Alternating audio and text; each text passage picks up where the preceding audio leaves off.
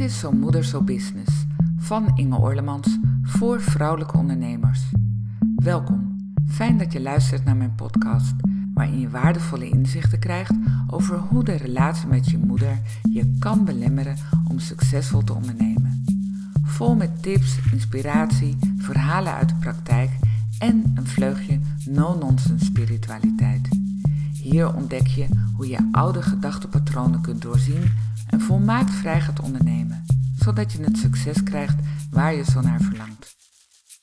Hallo, daar ben ik weer en dit keer wil ik het hebben over de onvoorwaardelijke liefde van een moeder voor haar kind en misschien wel van een dochter voor haar moeder.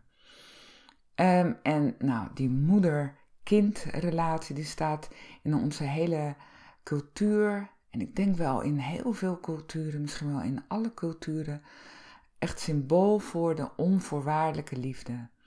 En als je kijkt naar bijvoorbeeld de christelijke traditie, dan zie je uh, de moeder Maria met uh, kindje Jezus in haar arm. Kijkt altijd heel sereen, liefdevol.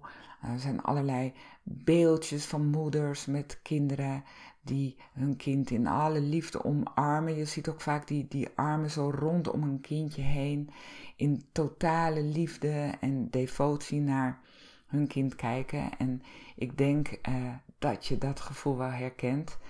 Uh, dat je als kind ook, dus niet alleen van de moeder naar het kind, maar ook als kind, echt die totale liefde, die onvoorwaardelijke liefde bij je moeder hebt ervaren, ooit hebt ervaren en vast ook hebt ervaren dat dat lang niet altijd zo is.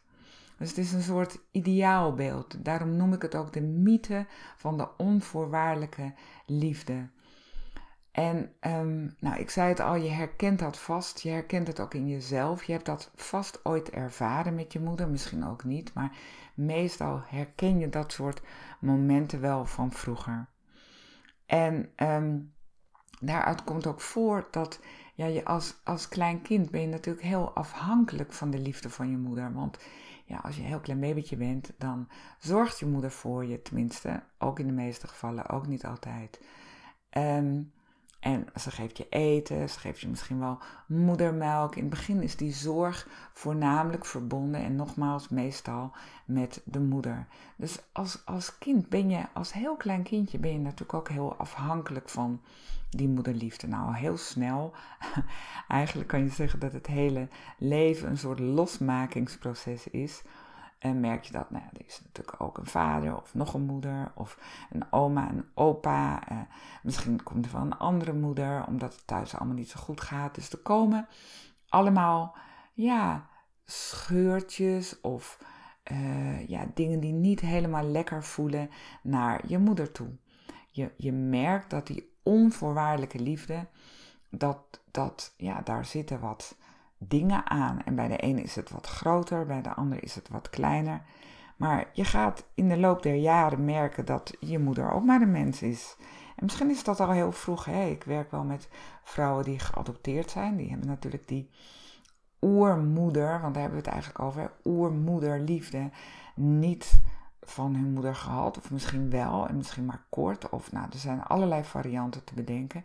Maar die krijgt een andere moeder die misschien wel heel onvoorwaardelijk liefdevol uh, uh, die, die, dat beeld in stand houdt. En dat je daar die eerste jaren die liefde bij voelt. Het kan alle kanten op gaan, maar het idee gaat erom dat in onze maatschappij en in heel veel andere maatschappijen de moederliefde centraal staat voor een soort oermoeder, onvoorwaardelijk, onvoorwaardelijke liefde. Nou, in de loop der tijd, in dat losmakingsproces, ik zei het al, dan ga je merken dat, ja, je moeder is natuurlijk ook maar een mens, hè. Dus uh, ze raakt geïrriteerd, of uh, ze snappen je niet, of ze is altijd maar moe en ligt in bed. Of ja, zoals mijn moeder, die, uh, ik merkte steeds vaker dat mijn moeder helemaal niet aanwezig leek. Wat, wat was er toch met haar aan de hand? Ze struikelde, ze praatte raar. En, en nou, ik, was, ik, ik was een enorm moederskindje.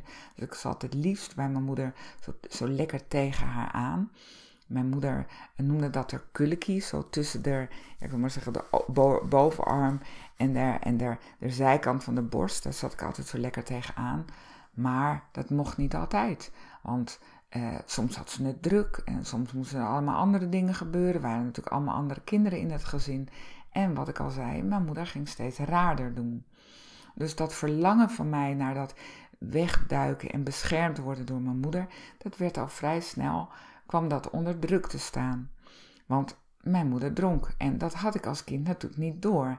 Maar ik voelde me wel heel, um, heel onzeker worden in, soms was die liefde er wel en soms was die er niet. En dat is natuurlijk heel raar, dus dat moest wel aan mij liggen. Het moest aan mij liggen dat het er soms wel was en soms niet.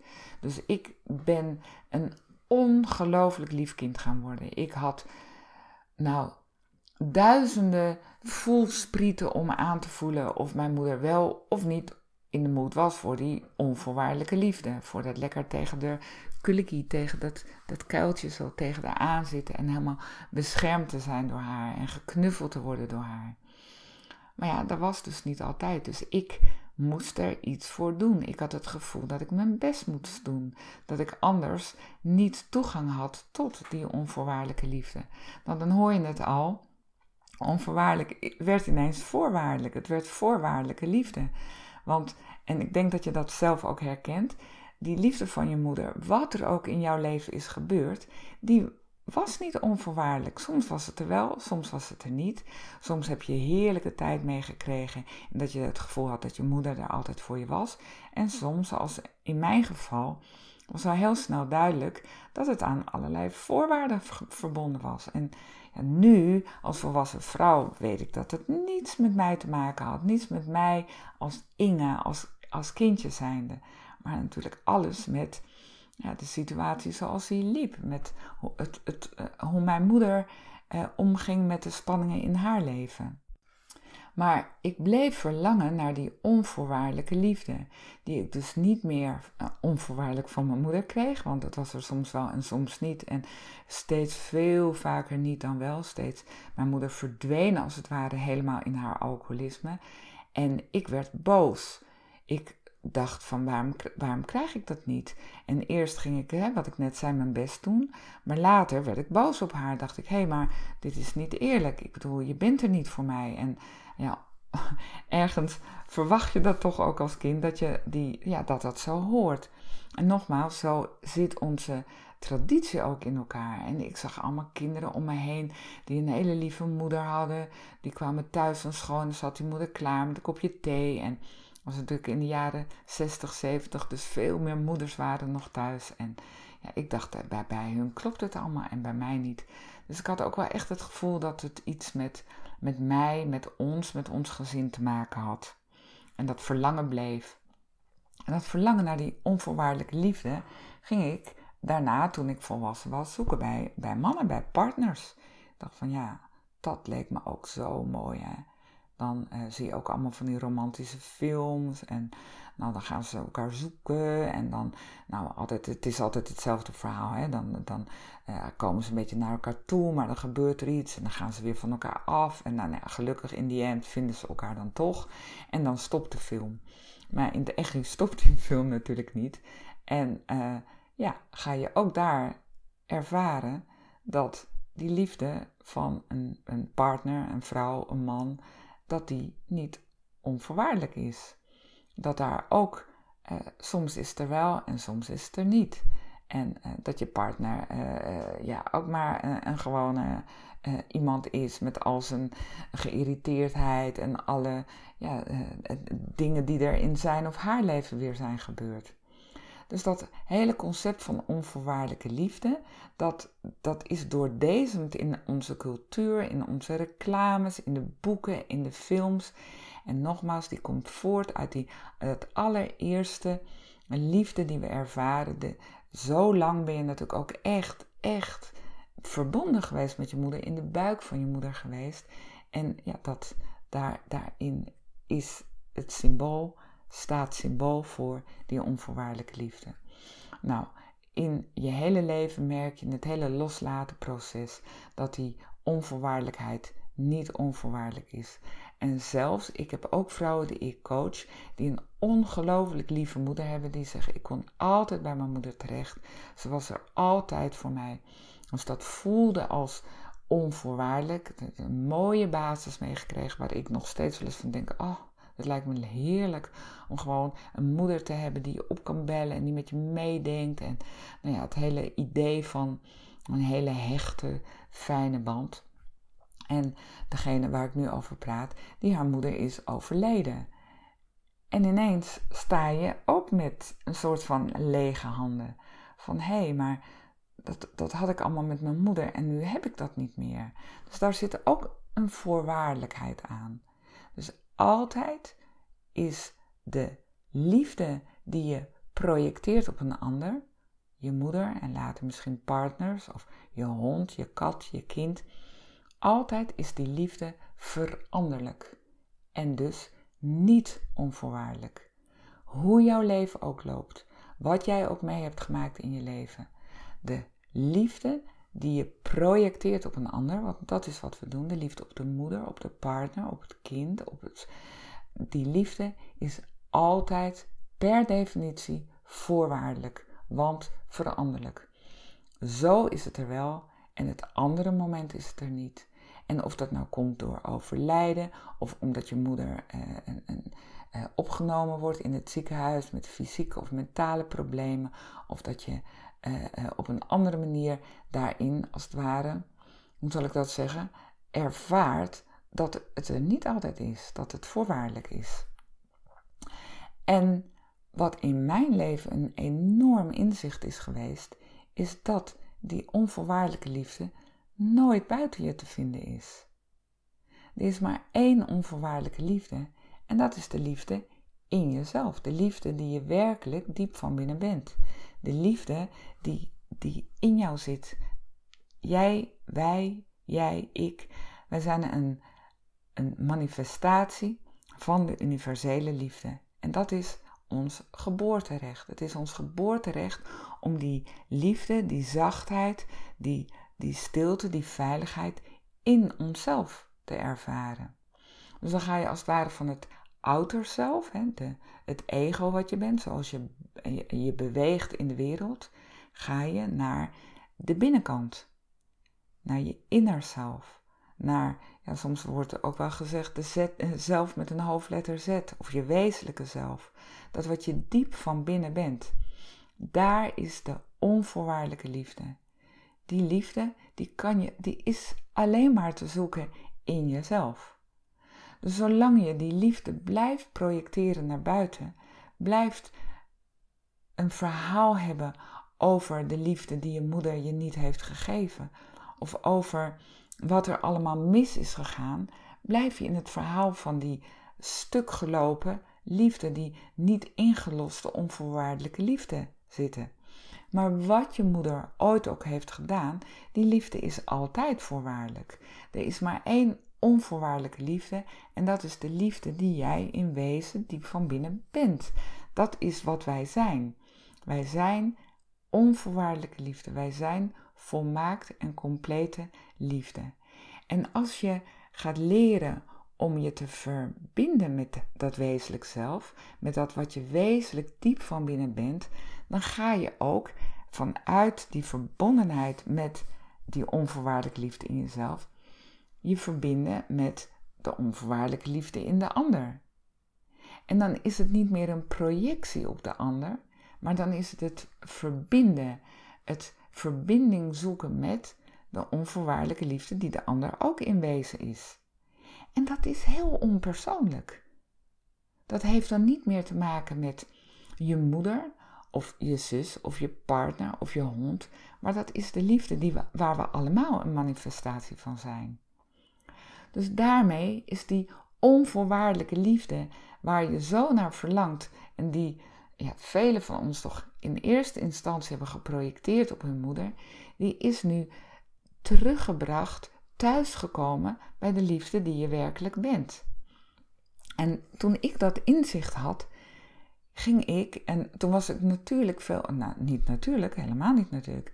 Ik was veel ouder, ik had zelf een kind, ik uh, had een partner, ik had, ja, was veel bezig geweest met spiritualiteit, met een non-duale filosofie, met allerlei manieren yoga, heel veel met meditatie, waarin ik steeds meer merkte dat als ik die aandacht naar binnen bracht en ja, me, die, die, die liefde in mezelf verruimde, dat ik daarmee ook naar mijn moeder kon kijken vanuit die liefde.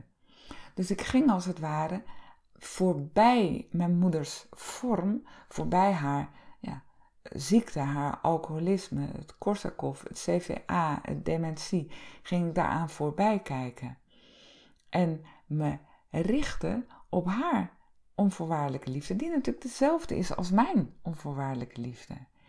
En dat bracht zo'n mooie dimensie in onze relatie aan, want ik ging niet meer verwachtingen hebben van haar. En ik hield ook niet meer vast aan het feit van ja, ik heb dat als kind niet gekregen en nu ben ik diep van binnen beschadigd. Want ik ging me, ik ging me, ik ging ervaren dat dat wezenlijk zelf niet beschadigd kan zijn. Het voelde echt als thuiskomen bij mezelf, als me verbinden met die volmaaktheid die nooit aangetast kan zijn, die nooit beschadigd kan zijn. Dus ik ging het verhaal van ik ben beschadigd door mijn jeugd, door het alcoholisme van mijn moeder, door dat ze ja, me eh, eh, verlaten heeft in die onvoorwaardelijke liefde. Dat, dat verhaal ging ik, ging ik loslaten. En ik ging haar zien als wie ze werkelijk was. En dat, die, dat verbinden in die onvoorwaardelijke liefde, in die zachtheid, in die, die vrede, die veiligheid, die heel dicht, die, die je zelf bent, die steeds dichterbij komt. Het thuiskomen in jezelf, het thuiskomen in die onvoorwaardelijke liefde in jezelf. Als je dat gaat verruimen, als je daarin uitreikt, dat merkte ik heel mooi aan mijn moeder in die laatste jaren, dan ging ze eigenlijk zonder enige uh, gedoe of uh, aandringen van mijn kant, zonder woorden van mijn kant, ging ze daarin mee. Dan zaten we hand in hand en dan was het goed. Dan eerst was het allemaal gedoe en ruis en huilen. En mijn moeder was in die laatste fase echt veel, ja, veel, um, er waren veel, uh, hoe heet het nou ook weer, dwanghuilen en uh, smakken en schreeuwen en zuchten en onvrede in haar buitenkant. Maar als ik daar niets mee hoefde, als ik me niet in die vorm, in dat verhaal meeging, dan kon ik ervaren hoe dichtbij ik haar, bij haar was. En mijn moeder ging daar altijd, iedere keer weer in mee. En daarvan, door dat te oefenen, door bij haar te zijn en die liefde die we allemaal zijn, die liefde die mijn moeder ook in wezen is en ik in wezen ben, door die liefde te dragen, ging mijn moeder mee. En zag ik haar ontspannen. En zag ik haar echt ontspannen in haar gezicht en lachen en liefdevol kijken en zachtheid. En dan pakte ze mijn hand of ze streelde mijn wang. Ik weet nog de eerste keer dat ze dat deed, dat ik dacht, dat, heb ik, dat, dat voelde zo volmaakt en zo liefdevol. Terwijl mijn moeder niet, ik bedoel, ze kon niet meer praten, ze was gehandicapt, ze was dement, ze wist ook waarschijnlijk helemaal niet meer wie ik was. Maar steeds weer als ik er was, en dat lukte natuurlijk niet altijd, soms dacht ik ook, oh hou alsjeblieft even op met dat huilen.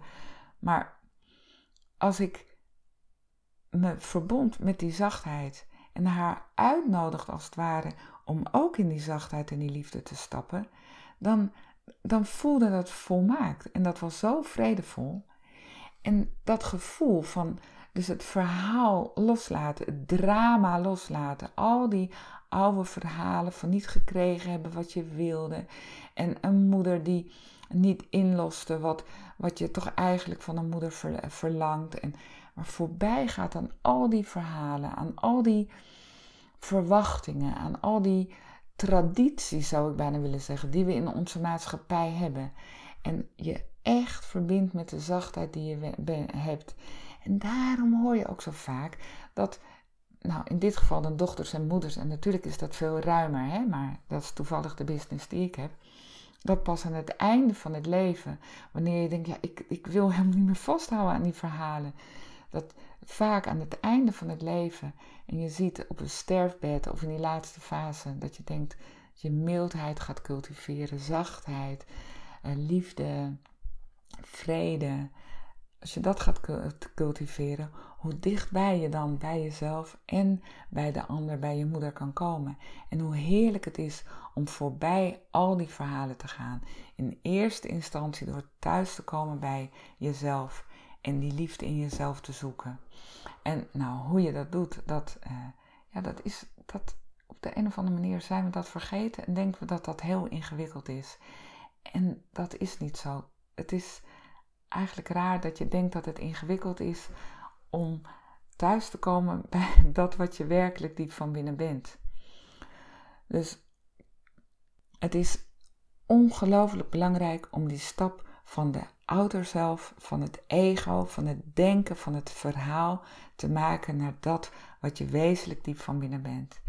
En als je denkt, ik wil daar meer over weten, neem contact met me op. Je kunt me mailen info.ingeorlemans.nl of ga naar mijn website, luister naar andere podcasts. Je kunt ook altijd een kennismakingsgesprek met me aanvragen.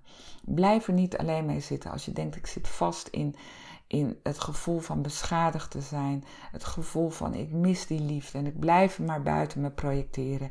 En ik krijg nooit dat waar ik zo verschrikkelijk naar verlang. Die, die zachtheid, die onvoorwaardelijke liefde. Neem contact met me op en blijf er niet alleen mee zitten. Fijn dat je luisterde naar mijn podcast. Nog even kort een paar belangrijke dingen. Ten eerste, misschien heb je er nooit over nagedacht of de relatie met je moeder van invloed is op je business. Wil jij weten hoe dat bij jou zit? Doe dan mijn gratis test op ingeorlemans.nl/slash test en je ontdekt het binnen enkele minuten. Ten tweede, wist jij dat je heel eenvoudig een review kunt achterlaten om te laten weten wat je van deze podcast vindt? Ga naar de app waarmee je naar deze podcast luistert en klik op reviews. En laat dan natuurlijk zoveel mogelijk sterretjes achter. Of schrijf een persoonlijke review. Geweldig, dankjewel. Ten derde, ken je een vrouwelijke ondernemer voor wie deze podcast ook interessant zou kunnen zijn? Dan zou het super zijn als je deze aflevering met haar deelt. Zo kunnen steeds meer vrouwen hun belemmerende gedachtenpatronen doorzien en moeiteloos en vol vertrouwen gaan ondernemen en het succes krijgen waar ze zo naar verlangen. Nogmaals bedankt voor het luisteren en graag tot een volgende keer.